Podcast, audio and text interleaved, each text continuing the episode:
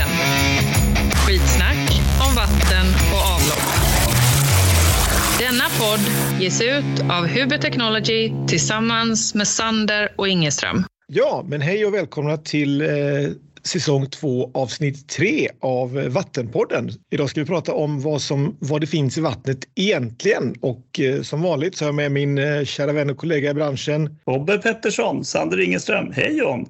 Tjena Tobbe, hur är läget? Ja, men det är jättefint. Det är alltid kul att sitta och surra lite med dig och idag tycker jag att det är extra roligt för att vi har ju nämligen fått en gäst. Ja, vem har vi med oss? Jo, men det är lite kul faktiskt för Elin har vi med oss. Hon jobbar på BSL Analytica och det är lite kul och om du Elin kunde berätta, hur hamnade du där? Ja, men, eh, tusen tack Tobbe och John. Superkul att få vara här och köta lite med er. Ja, biocellanalytiker, hur jag hamnade där? Ja, vägen har varit lång och brokig. Nej, Nej men skämt åsido. Jag, efter att jag hade pluggat klart, um, jag doktorerade på SLU, så kände att nej, men det är dags att ge sig ut i verkligheten. Så att jag började jobba på Stockholm Vatten och eh, Norrvatten. Superkul, jobba lite mer med processteknik och ja, bland annat se hur, hur kan vi utvärdera kemisk barriärverkan? Vilka typer av kemiska spårämnen tar vi bort? Jättekul att utvärdera, men problemet där var ju att hur många ämnen man än mäter, hur ska vi veta vad som är farligt? Supersvårt. Så där fick jag ju nys om biocellanalytiker och deras metoder där man alltså mäter toxiska effekter av ämnen istället för att bara kika på kemiska koncentrationer. Så det tyckte jag var superhäftigt och då gick jag så långt att jag till och med började jobba där. Men vad coolt, men ni är ju ett ganska litet eh, nystartat företag eh, och, och dessutom i VA-branschen. Hur, hur, kan du berätta lite kort om företagets eh, bakgrund? Ja men absolut. Jo, Biocelanalytica startade 2019 av två professorer på SLU. De har då jobbat med den här typen av metod, effektbaserad analys i olika forskningsprojekt som bland annat har varit tillämpade mot dricksvattenbranschen. Och här upptäckte man ju då att det finns ett stort behov i branschen av att titta på risker med kemiska ämnen på nya sätt. Så då valde man att gå vidare och starta Biocell Analytica. Så att nu är vi tre personer. En person som jobbar på heltid, det är jag. Och så har vi också två superbra personer som jobbar på vårt labb och tar hand om alla prover som kommer in.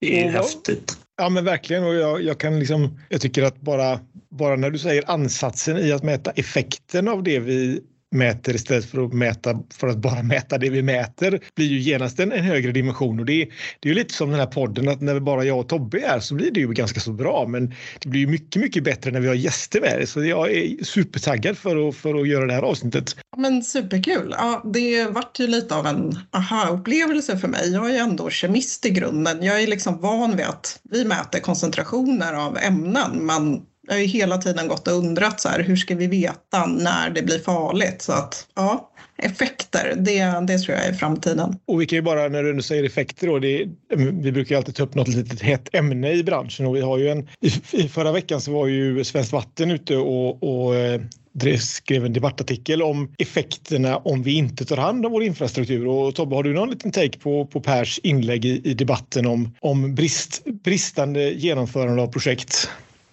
Ja, det har jag väl alldeles säkert. Eh, jag tänker liksom också att, att det är lite kul att man faktiskt har kommit så långt att vi liksom är med på, på eh, alltså nationella eh, medier i form av SVT och sådär. Det tycker jag är roligt. Och om jag minns rätt så är en av effekterna är ju också liksom kostnad och, och, vad kostar det här och vad kommer det kosta konsumenterna? Eh, det var ju något som jag reagerade på lite grann då och det har ju vi länge tjatat om i branschorganisationen, du och jag John, att det är faktiskt för billigt liksom med vatten. Det borde kosta mer pengar för vi behöver göra väldigt mycket mer saker. Så det är väl min spaning och spott på det. Ja, och jag tänker också det som du var inne på lite grann att vad är effekten av det vi släpper ut egentligen och vad är, vad är kostnaden för framtida generationer? Men jag tänker att det, det, har vi ju ungefär en halvtimme på oss att diskutera här nu så jag tycker vi eh, kör igång dagens podd helt enkelt. Och det är bara värt att säga som lite konsumentupplysning då att den här podden görs ju av eh, mig, Jon Skanse som är vd på Huber och eh, Tobbe Pettersson som är då eh, försäljningschef eh, på Sander och Ingeström. Men vi kör igång dagens podd.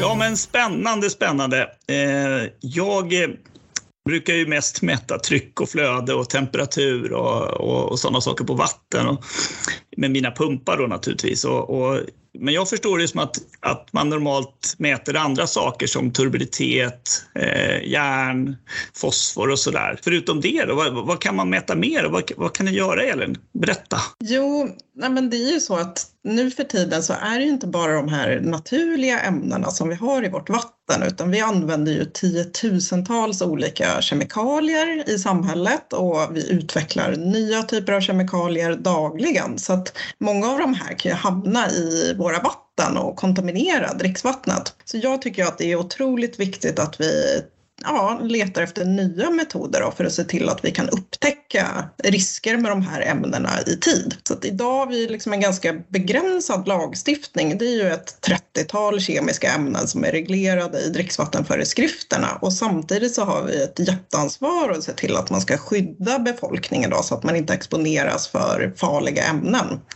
Och det är ju sånt som tyvärr har hänt i, eh, ja, tidigare. Så att vi hoppas ju att med nya typer av metoder så ska vi lära oss att upptäcka nya risker i, ja, i tid. Ja, och vad kan det vara för ämnen då som, som idag som liksom är farliga? Kan du ge några bra exempel? Absolut. Nej, men man kan ju titta bland annat på hormonstörande ämnen. Där vet vi, där finns ju till exempel bisfenol A och ftalater som kan vara hormonstörande. Och det vi gör det är att istället för att rikta in oss på enskilda ämnen. Jag menar, du kan ju mäta, säg att du mäter tio olika hormonstörande ämnen. Hur ska du kunna veta om det här representerar alla hormonstörande ämnen eller ifall det är en promille av de hormonstörande ämnena. Så att vi går ju liksom förbi det här och tittar på totaleffekten på en gång så att man ska få en helhetsbild. Hur ser den totala effekten ut av alla hormonstörande ämnen? Så det här mäter ju vi på, på cellnivå när de här ämnena binder in då till ja, till exempel östrogenreceptorn. Oj, oj, oj. Det är komplet... va? oj, oj, oj. ja, men, men om jag förstår det så, så, så vad ni mäter egentligen inte, det är inte halten av ämnen utan det är hur den här blandningen av ämnen eller flera ämnen kopplar in i cellerna helt enkelt.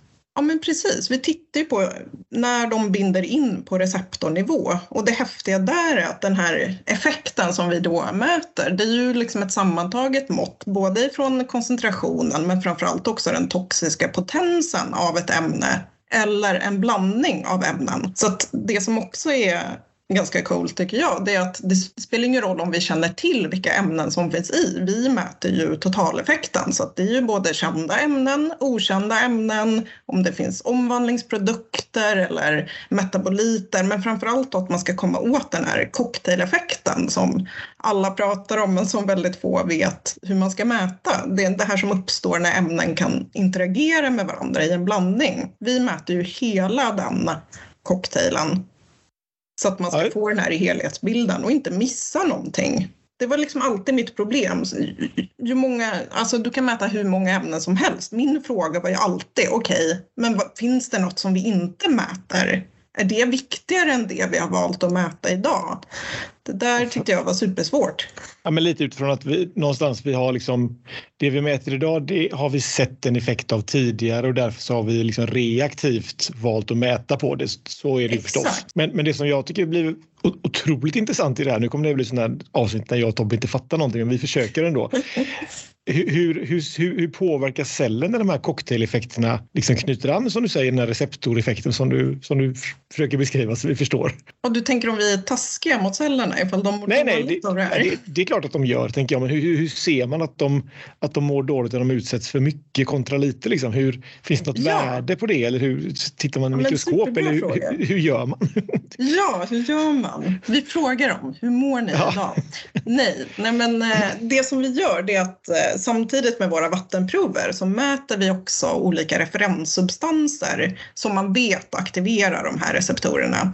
Så när det kommer till östrogena effekter, alltså effekter på den kvinnliga könshormonreceptorn, så mäter vi till exempel 17 beta-östradiol. Så att då gör vi det samtidigt som vi mäter på proverna så att man då ska kunna översätta den effekten som vi uppmäter till en bioekvivalent koncentration av den här referenssubstansen. Blir det här grekiska nu John? Du Ja, det är ju kanske... Det är ju lite, jag, jag tror jag förstår ändå, för att det handlar ju någonstans om att man vet, om jag ska försöka förklara det som jag fattar det så får du säga om jag har rätt eller fel, då, men man, man vet hur en cell påverkas genom att mäta andra saker i cellen. Och när du utsätter cellen för vattenprovet så ser du om den triggas på samma sätt som den triggas när du utsätter den för något annat som är känt. Ja, men så skulle man kunna säga. Alltså, de här cellerna som vi använder, det är ju däggdjursceller. De är vanligtvis humanceller. Och de har ju modifierats eh, så att man har liksom satt dit en reportergen. Så det som händer när ämnen transporteras in i cellen och binder till receptorn, det är att den här reportergenen aktiveras och då börjar cellerna utsöndra ett signalprotein. Och det är då det här signalproteinet som vi kan mäta. Och så översätter vi det till den här referenssubstansen. Så att du får ju ut din effekt som motsvarande halt då, av till exempel östradiol. Men effekten kan ju komma från fem ämnen eller tusen ämnen. Det spelar ingen roll, utan poängen är att det är liksom den sammantagna effekten som vi, som vi mäter. Så, så vad, Ja, Tobbe. Ja, ja, ja, ja. Men man, det är som vanligt när man får såna spännande gäster. Man blir, man blir eh, nästan stum. Men cocktail är ju för mig någonting positivt. Men i det här fallet så förstår jag det som att det kanske inte är så positivt. Eh, jag är inte riktigt lika smart som John då, så han, han kan uttrycka det bättre. Men det här cocktailen är det, är det, det som, som, är, som man är rädd för då? Att liksom mixen Jo men precis, alltså, det är ju väldigt sällan förhoppningsvis. Och eh, här i Sverige då som vi har liksom stora utsläpp, det är ett ämne som gör att vattnet blir akut toxiskt utan verkligheten ser ut som så att vi har låga blandhalter av liksom ja, massa olika ämnen. Det är lite läkemedelsrester, det är kanske lite båtbottenfärger, det är pesticider, det är allt möjligt. Och många gånger så finns de här ämnena i så låga halter så att försöker du mäta rent kemiskt då står det bara att allting är under detektionsgräns. Men tillsammans så kan ju de här ämnena liksom ha en signifikant påverkan på,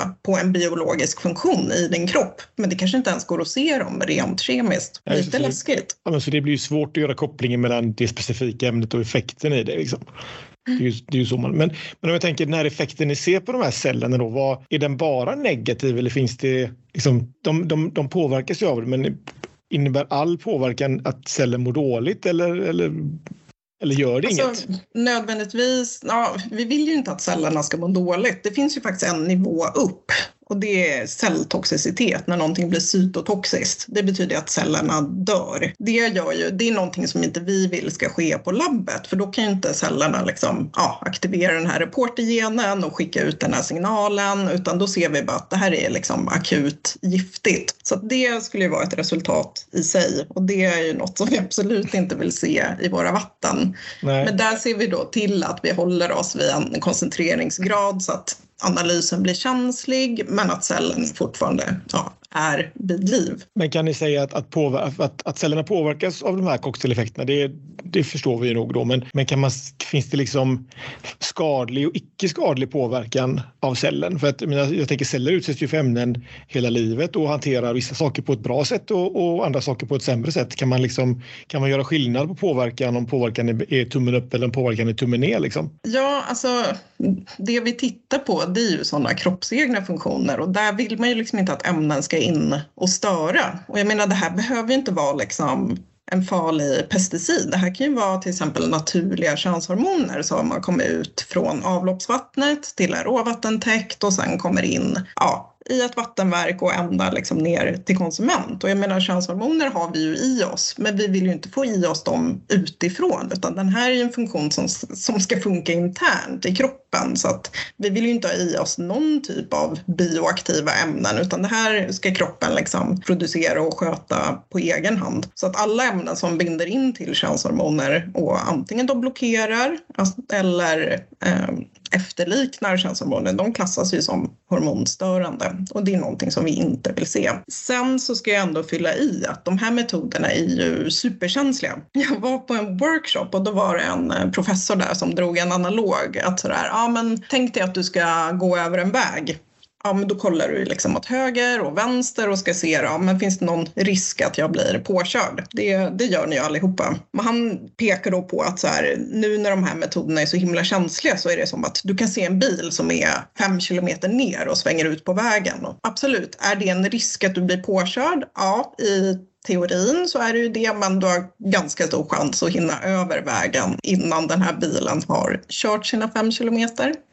Om det inte är en supersnabb sportbil. Jag vet inte om ni sysslar med sånt? Nej. Nej. Nej. Nej, det är Nej, nej, nej, det är inget för oss. Vi sysslar med vatten och avlopp. Det tycker vi är kul. Ja, men det är bra. Nej, men så att det handlar ju också om att vi ska kunna se i tid. Där kan man också, Mm. Det är ju bra att hålla koll. Även när effekterna är låga så kan vi ju titta på det. Finns det en trend? Är det här något som förändras över tid? Börjar vi närma oss en gräns där det inte liksom är okej? Mm. Så jag tycker det är superbra att de är så känsliga men man ska absolut peka ut att bara för att man uppmäter något så betyder det inte att det är liksom direkt farligt. Fråga, fråga som, in, som inkommer direkt, så här, tar det lång tid att testa det här? Alltså tiden ifrån att man tar testen till man får veta liksom, att, Jo, men det tar ju faktiskt några veckor. De här cellerna ska ju liksom jobba och växa och reagera på de här ämnena. Och det, är liksom, ja, det finns några olika steg där som man behöver gå igenom. Så att i nuläget så tar det generellt, säg tre veckor då, från att man skickar in ett vattenprov till att, vi är färdiga och analyserat och sammanställt resultaten. Ja, men det är intressant. För, är, det, är det någon tanke då att man liksom använder sig av... Då, då misstänker jag att man, om, man, om jag vore driftsansvarig för ett vattenverk här i Sverige till exempel, då, då skulle jag vilja veta båda. Dels skulle jag vilja veta hur det ser ut nu hela tiden online? Eh, har det kommit någonting? Är det någon båt som har läckt ut diesel eller whatever det är som vi inte ska dricka? Eh, och till, till liksom att, ja, men hur ser min hur ser min råvattentäkt ut på lång sikt och förändras den? Absolut, och det där är en fråga jag ofta får. Så här, ah, men gud, har ni någon sensor som man kan sätta liksom direkt i vattnet? Jag vill veta nu, nu, nu. Och grejen är att de effekter vi mäter, det är ju på en nivå där man liksom bedömer att det här är, det här är inte bra i liksom en långtidsexponering. Så att det är ju det här vi vill komma åt. Det finns ju andra typer av tester om man vill kolla mer på det här akuta. Så som du nämner med så här utsläpp ifrån båtar. Visste du vad en av de känsligaste mätmetoderna är för det? Ingen aning. Utbilda mig. Den sitter mell, ja, någonstans mellan dina ögon och ovanför Ja. munnen. Det kan vara smaken av näsan kanske. Ja, det är den där mänskliga näsan. Man, vi kan alltså uppmäta halter ner på parts per trillion med näsan. Och det är därför man gör sådana här lukttester på vattenverken. Det har väl varit, och det är väl utvecklat sedan urminnes tider, att vi ska lukta oss till dåliga saker.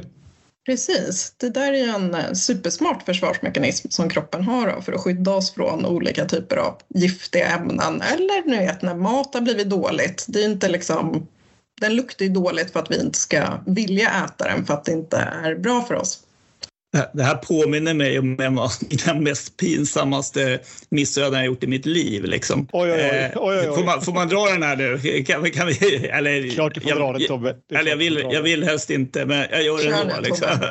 Nej, men jag, jag köpte för två somrar sedan köpte jag en husbil så här på, och jag är lite impulsiv som människa så jag hade väl inte riktigt tittat så mycket. Så jag köpte en husbil i alla fall. Och bakgrunden när jag började jobba när jag var ung och jobba extra på bensinmack. Så jag borde ju verkligen veta saker. Och så står jag och tankar med min flickvän så här. Och den slår av hela tiden den här eh, bensinpumpen. Då. Och sen läser jag på locket och så står det Aqua då. va. Så då har jag liksom tryckt in några liter diesel i mitt vatten. Och jag kan lova dig att det är min recipientfaktor där, den känner fortfarande av det där i husbilen. Det där blir jag aldrig av med. Inte, nej, Jag hoppas att du inte dricker ur den tanken. nej, det gör jag inte. Jag tycker att du ska fylla upp vatten i den här tanken och så tar du ut en liter prov och så skickar du det till mig så ska jag säga åt dig hur dåligt det är att dricka det där vattnet.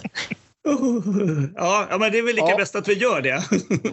Jag Och tror att med- det är bäst. Och med det sagt så känner jag att vi, vi, eh, vi tar en liten paus och så går vi vidare till, till nästa avdelning i podden. Ja, Tobbe, det är ju bra att du inte dricker ditt dieselvatten då i din, eh, i din husbil. Men vi hoppas att du har, har renoverat tankarna. Då. Det, det jag funderar på är liksom, det här är ju en väldigt cool och avancerad teknologi. Vilka är det som, som, som avropar den idag och vilka positiva effekter ser de av att mäta på det här sättet? Jo, men i nuläget, vi har ju liksom riktat in oss på vatten eftersom vatten är det roligaste som finns, tycker jag, här i början. Och det är också väldigt tacksamt att mäta på vatten. Ämnen är ju liksom lösta i vattnet och är ganska lätta att få ut därifrån. Så att i nuläget så är det ju mycket vattenverk, avloppsreningsverk. På avloppssidan särskilt nu när man tittar mycket på det här med läkemedelsrening. Jag brukar göra lite så här citationstecken när vi pratar om läkemedelsrening för att egentligen så använder man ju tekniker som tar bort massa olika typer av ämnen så att där är det också viktigt att man går in och tittar brett på vad som händer. Särskilt när man använder oxidationstekniker som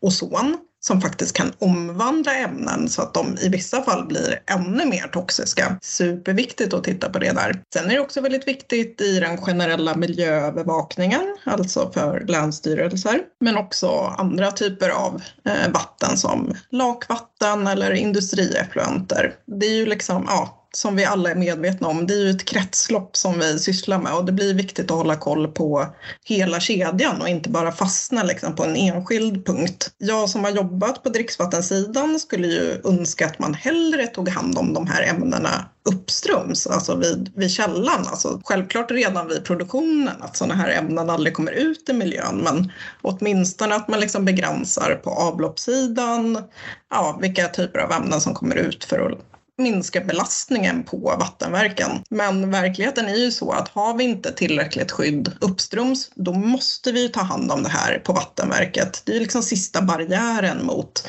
mänsklig konsumtion.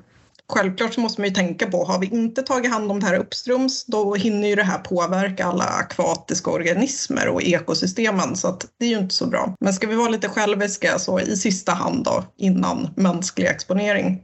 Jag tycker det var intressant du sa med, med ozon där, för det är ju ändå en av de teknikerna som, som är som vinner plats. Vi har också UV-ljus som på något sätt också, jag vet inte om det blir en oxidation då, men, men det, är ju lite, det låter ju lite farligt om ozonoxidationen faktiskt kan skapa andra varianter som är, som är ännu farligare. Absolut, det där är en superviktig fråga. Vi pratar ju ofta om vattenrening som borttagande processer som liksom sandfilter eller membranfilter eller omvandlande processer som ofta utgörs av någon typ av oxidation.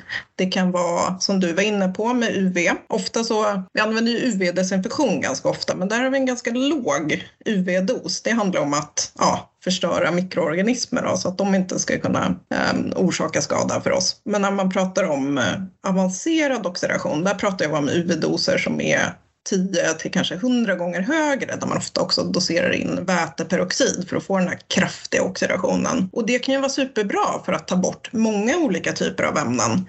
Men där är ju ett problem att ofta så tittar vi bara på ja, kanske en handfull ämnen och vi tittar bara på de faktiska ämnena. Så här, hur förändras de? Går halten ner? Och så tror man liksom att de har tagits bort eller försvunnit. Men där blir det superviktigt att man också tittar på vilka typer av biprodukter kan bildas och kan de här vara mer toxiska? Så där är det ju extra viktigt att använda den här typen av effektbaserad eh, metoder då, för att se till att man inte gör det sämre. Vi vill ju verkligen göra det bättre. Ja, men och det där är nu blir man ju, går man igång lite som, som vattenreningsnörd där, för det där blir ju väldigt intressant när det liksom blir en innovation och man springer efter en teknik och man kan ju ta att Naturvårdsverket är ju ganska eh, frikostiga med bidrag och man ger ju också i de här nya tillstånden som reningsverket får ger man dem utredningskrav att, att utvärdera vissa saker och hur vissa tekniker kan fungera för att ta bort det. Men, men lite som du beskriver det så känns det som att det finns en risk att man skapar nya problem som man inte ser förrän senare. För att tillbaka till liksom fysikens grundlagar, ingenting kan förstöras, det kan bara omvandlas. Liksom. Precis, det där är en superviktig fråga och där tycker jag att man kanske ska vara lite hårdare och ställa krav på att nu när vi gör de här faktiskt dyra försöken som tar mycket tid och resurser, det kostar pengar. Det dyra i kråksången det är inte analyserna så där är jag alltid noga med att Mät allt som ni kan. Lär känna vattnet. Gör allt. Liksom, använd alla verktyg i verktygslådan för att säkerställa att så vitt vi vet och har möjlighet att avgöra idag, att vi inte gör det sämre. Vi vill ju ändå se till att vi, lag,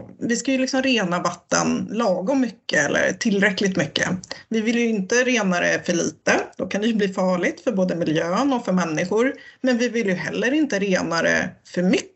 Det kostar ju i form av energi och kemikalier och det är ju inte heller bra. Det får ju också en negativ påverkan om vi nu igen liksom använder det här stora perspektivet, att vi tittar på hela kedjan. Så att där tycker jag det är superviktigt att alla lär känna sitt vatten så mycket som möjligt så att vi ser till att vi gör det precis tillräckligt rent. Om man då jämför, vi har ju både UV-teknik och sen har vi ju kanske aktivt kol också. Det är ju de tre teknikerna man använder för att rena mot de här sakerna egentligen enligt min ringa kunskap i alla fall. Då. Vad, vad ser du någon skillnad mellan de teknikerna i, i, i risker att omvandla det till annat? Absolut, alltså med ozon så finns det ju alltid en risk att man bildar toxiska biprodukter. Så där är det ju viktigt att man använder tekniken på rätt sätt och att man också utvärderar. Sen är det ju ofta så att man kombinerar liksom ozonering med en annan teknik som aktivt kol för att de här ska komplettera varandra. Aktivt kol är ju en borttagande process. Där handlar det om adsorption, att ämnena liksom binder in till, till det här fasta materialet. Men där måste man också komma ihåg att i det här fasta materialet där vi filtrerar vårt vatten, det blir ju till slut liksom ett ja, kemikaliefilter. Det sitter ju supermycket ämnen fast där. Så där måste man också se till att händer det någonting med den inkommande vattenkvaliteten då finns det också en risk att ämnena börjar komma ut därifrån. Jag gjorde faktiskt ett pilotförsök på, på mitt gamla vattenverk där vi tittade på just ozonering och aktivt kol. Och på det vattenverket så hade man ingen, då hade man aktivt kol i, i fullskalan men inget ozoneringssteg. Och jag ville titta på det här, inte bara liksom när man använder nytt aktivt kol som kan binda upp massor av ämnen utan jag vill också titta hur funkar det här som ett biologiskt filter? Det blir ju massa mikroorganismer som, som bor där i filtret och som kan ja, faktiskt käka upp de här biprodukterna som kan bildas. Men det som hände då att jag tog lite av det här gamla materialet från verket, det hade jag använts i liksom 10-15 år. Och så började jag mata det med ozonerat vatten för att titta då, hur funkar det? Ozon och biofilter. Ja, men det som hände då, det var ju att massa ämnen började komma ut ifrån det här filtret. Det fanns alltså vissa ämnen som vi mätte som ja, de var högre i det utgående vattnet och det här pågick liksom hela försöket i ett och ett halvt år. Kan ni då tänka er hur mycket ämnen som sitter fast där? Så igen, det är superviktigt att hela tiden se till att mäta brett, vara beredd på det som man kanske inte ens tänker på kan hända. Ja, så att, så att det inte blir fel. Det vore ju katastrof för många. Ja, men nu är man som vanligt här, så det blir, man blir ju stum. Men, men eh, alltså, finns det då kopplat till det, ser du då kanske att vi gör fel teknikutveckling? För, för precis som John säger så är det ju mycket liksom diskussioner om de här olika typer av tekniker, från membran till kolfilter till, till UV. Liksom, eh, eh, eh, Okej, kan det vara så att vi gör det värre? Ja, alltså jag är inte här för att skrämma upp folk, men jag tycker ändå att det allra viktigaste det är att vi verkligen ser till att utvärdera det noggrant. Det finns absolut risk att vi väljer fel tekniker för att vi ja, analyserar resultaten på fel sätt om vi analyserade mer noggrant så kanske vi skulle landa i att det är bättre att ha borttagande processer som till exempel membranfiltrering. Men där kommer det också andra utmaningar. Men membranfiltrering, jag menar, ja vi säger om men vi tar bort ämnena, men det gör vi ju inte. Vi flyttar ju bara på dem. De hamnar ju då i ett backspolningsvatten eller i en koncentratström. Och den måste ju också tas om hand. Jag kan tycka att vi i vattenbranschen pratar för mycket om att så här, vi tar bort grejer. Ja, men de försvinner ju inte. Vi flyttar på dem.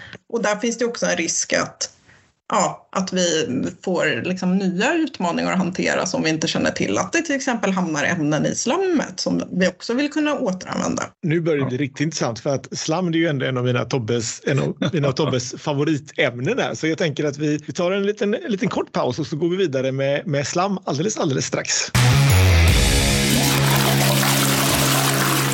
Ja, då har vi äntligen kommit till favoritämnet John, slammet. Slammet.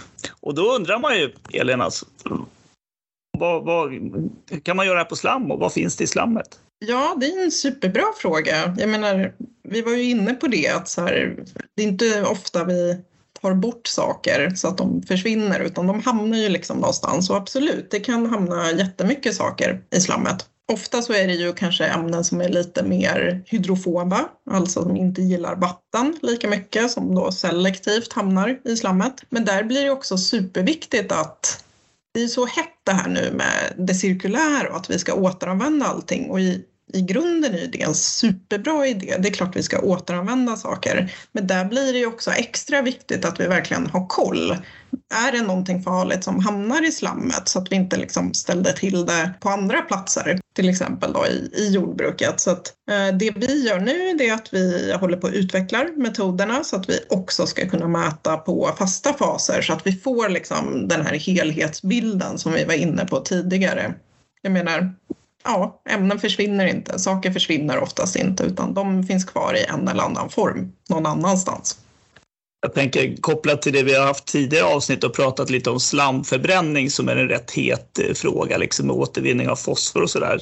Är inte det lite safe då, tänker jag så här, när man bränner upp det? Eller hamnar i atmosfären då tänker jag plötsligt kan det vara farligt i alla fall. Allt är farligt nu. Ja, det där är väl inte riktigt min expertis, men där har man ju ändå kunnat se, ni vet, man har ju bränt mycket sopor och grejer, att det ser det är ju superviktigt att man gör det på rätt sätt. Annars kan det ju bildas, ni vet när man bränner plast, det bildas ju sådana här dioxiner. Men det där kan man liksom, om jag har förstått det rätt, så kan man kontrollera det där genom att använda liksom rätt förbränningsförhållanden. Så att där blir det ju igen liksom superviktigt att vi, ja, vi måste alla bli nördar, vi måste alla undersöka allt ner i minsta detalj. Nej men skämt åsido, det gäller att vi liksom använder de verktyg som finns och att vi försöker vara så medvetna som möjligt vad det är vi har att handskas med.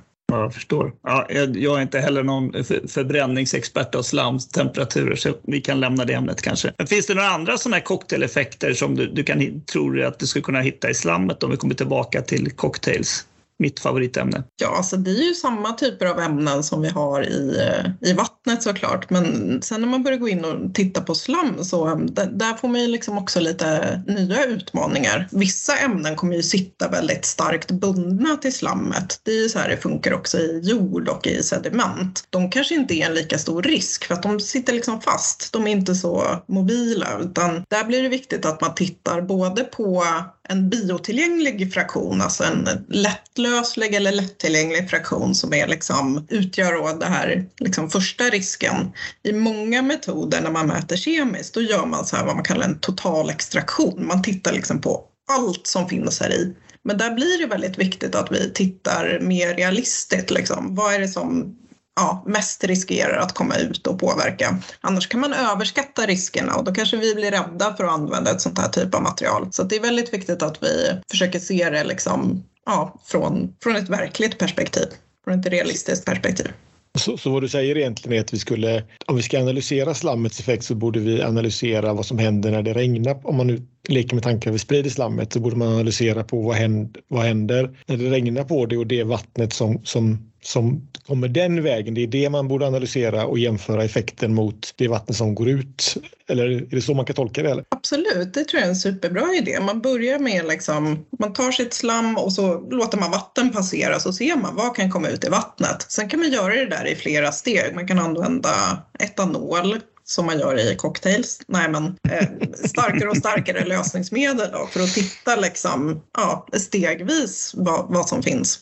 Mm. Så det där är en superbra idé. Jag pratade faktiskt med en doktorand förut. Han håller på att studera organismer som, som bor i sedimenten. Så att han vill ju veta då, så, men hur kan de utsättas? Och det här var organismer som äter sedimenten. Så att han gjorde ju någon typ av syntetisk magsyra som man utsatte sedimenten för, för att se vad kan komma ut i magarna på de här organismerna. Det tyckte jag var lite häftigt. Ja, käka slam, det är också ett liv som organism att ge sig på det, tänker jag. Ja, Tobbe, du som gillar att experimentera med diesel i tankar och grejer. Alltså, få inte för dig att börja käka slam eller sediment. Det, det, blir det, det har nog hänt att man har fått slam på sig och även så att det har kommit i, i munnen vid något tillfälle vid någon pump. Men nej, det är inte så bra idé. Alltså, man kan bli lite dålig i magen. man blir lite ris i kistan. Ja, ja men alltså, alltså superintressant Elin och jag, jag, det känns verkligen som att ju mer man nördar i, i vattenfrågan som, som vi ändå gör här och att man får ett sånt kul jobb, man får lov att göra det så lär man sig nya dimensioner som, som, som gör frågan ännu mer intressant och bred och, och det är ju bara att inse att, att man har ju bara skrapat på ytan i, i, i sin vattenkunskap eh, och, och hur man ska pumpa och sila den. Men det finns ju så mycket mer som är så viktigt att ta med oss. Och med det sagt så är vi faktiskt i en av de absolut roligaste branscherna ever. Ja, jag tänker att vi, vi försöker sy ihop den här podden och ge dem en liten avslutning alldeles, alldeles strax. Ja, men Elin, alltså superspännande. Vilket fantastiskt roligt jobb du måste ha. Det är ju nästan som man blir sugen på att doktorera i, i bio, bio, biologisk analysteknologi som jag tänker att det kan heta kanske. Säkert John. Du skulle bli en fantastisk doktor i, eh, vad kallade du det? Ja, jag vet inte, men det skulle säkert bli bra. Men något, något annat som man kan bli doktor i är ju cocktail. Så det är ju en av Tobbes, eh, Tobbes delar. Men, och du cocktails dricker man ofta på resor, men du var ju faktiskt på, på Nordiva i Köpenhamn också, Elin. Vad, kan du, vad hände där? Kan du, det är ändå lite spännande att följa forskningsfronten. Liksom. Ja, nej men Köpenhamn, supertrevlig stad såklart. Inte riktigt lika reglerat här som i eh, Sverige. Så att jodå, öl och cocktails åkte fram ganska sådär på pricken klockan fem i de olika båsen. Så att det var ju ändå lite trevligt. Det där brukar ju förhöja upplevelsen i vissa fall i alla fall. Även om det inte är något krav. Nej men superkul.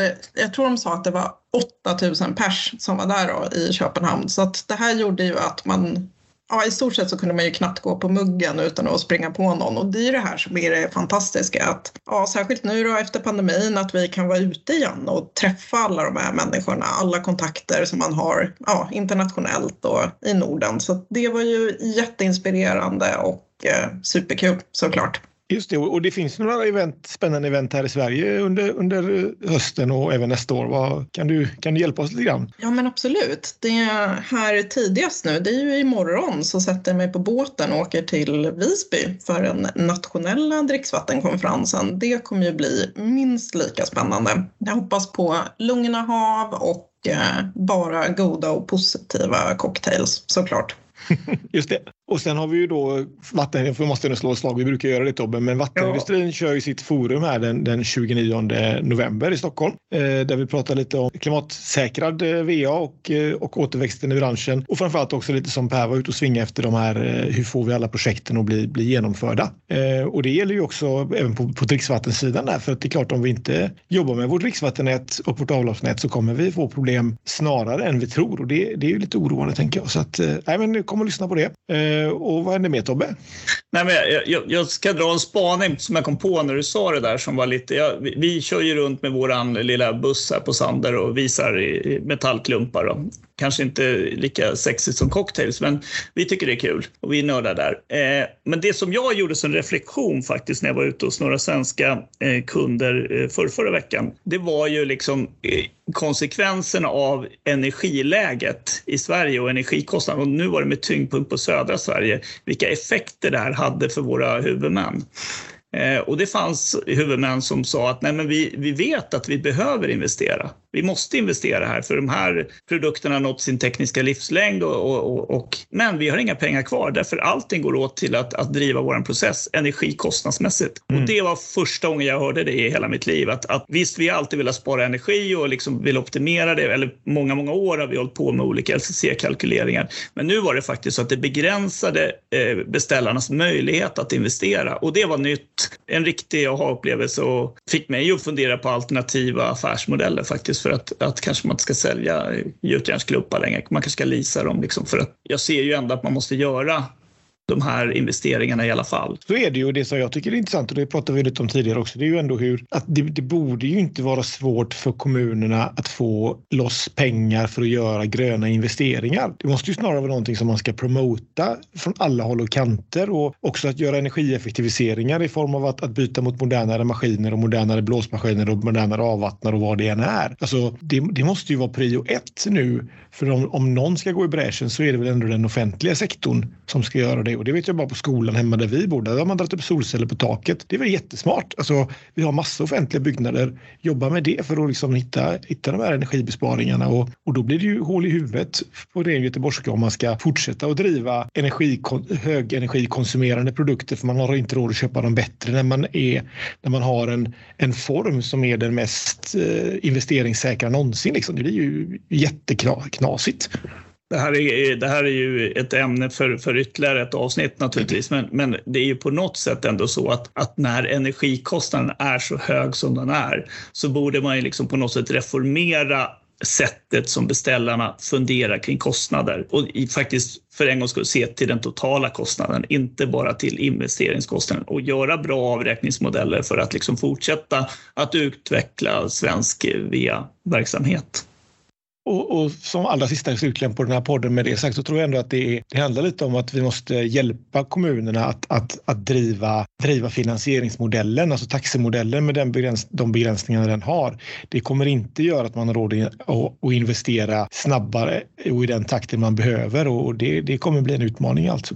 Elin, så himla stort eh, tack för en lektion i, i något som jag aldrig kommer kunna doktorera i. Men det var väldigt spännande. En föreläsning. Får jag avsluta och berätta något supercoolt och positivt då? Jättegärna.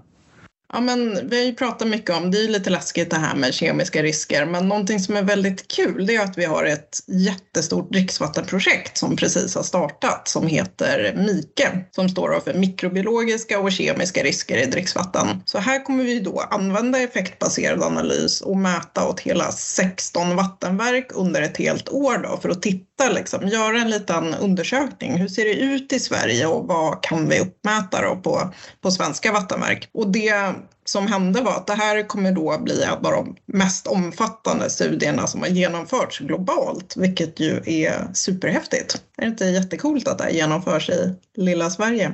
Otroligt coolt. Och det är väl bara för att avsluta för tredje gången.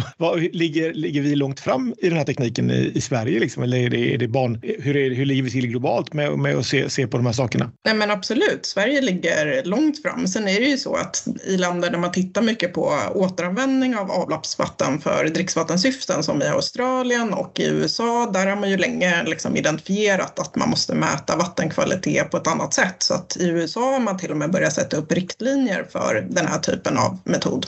Superkul! Dit hoppas vi att vi kommer även i Sverige. Ja, verkligen. Ja, men stort tack! Stort tack Tobbe, stort tack Elin. Eh, alltid lika roligt att, eh, att göra poddavsnitten och eh, vi eh, lär ju höras och synas. Ha det gott! Hej då! Vattenpodden. Skitsnack om vatten och avlopp.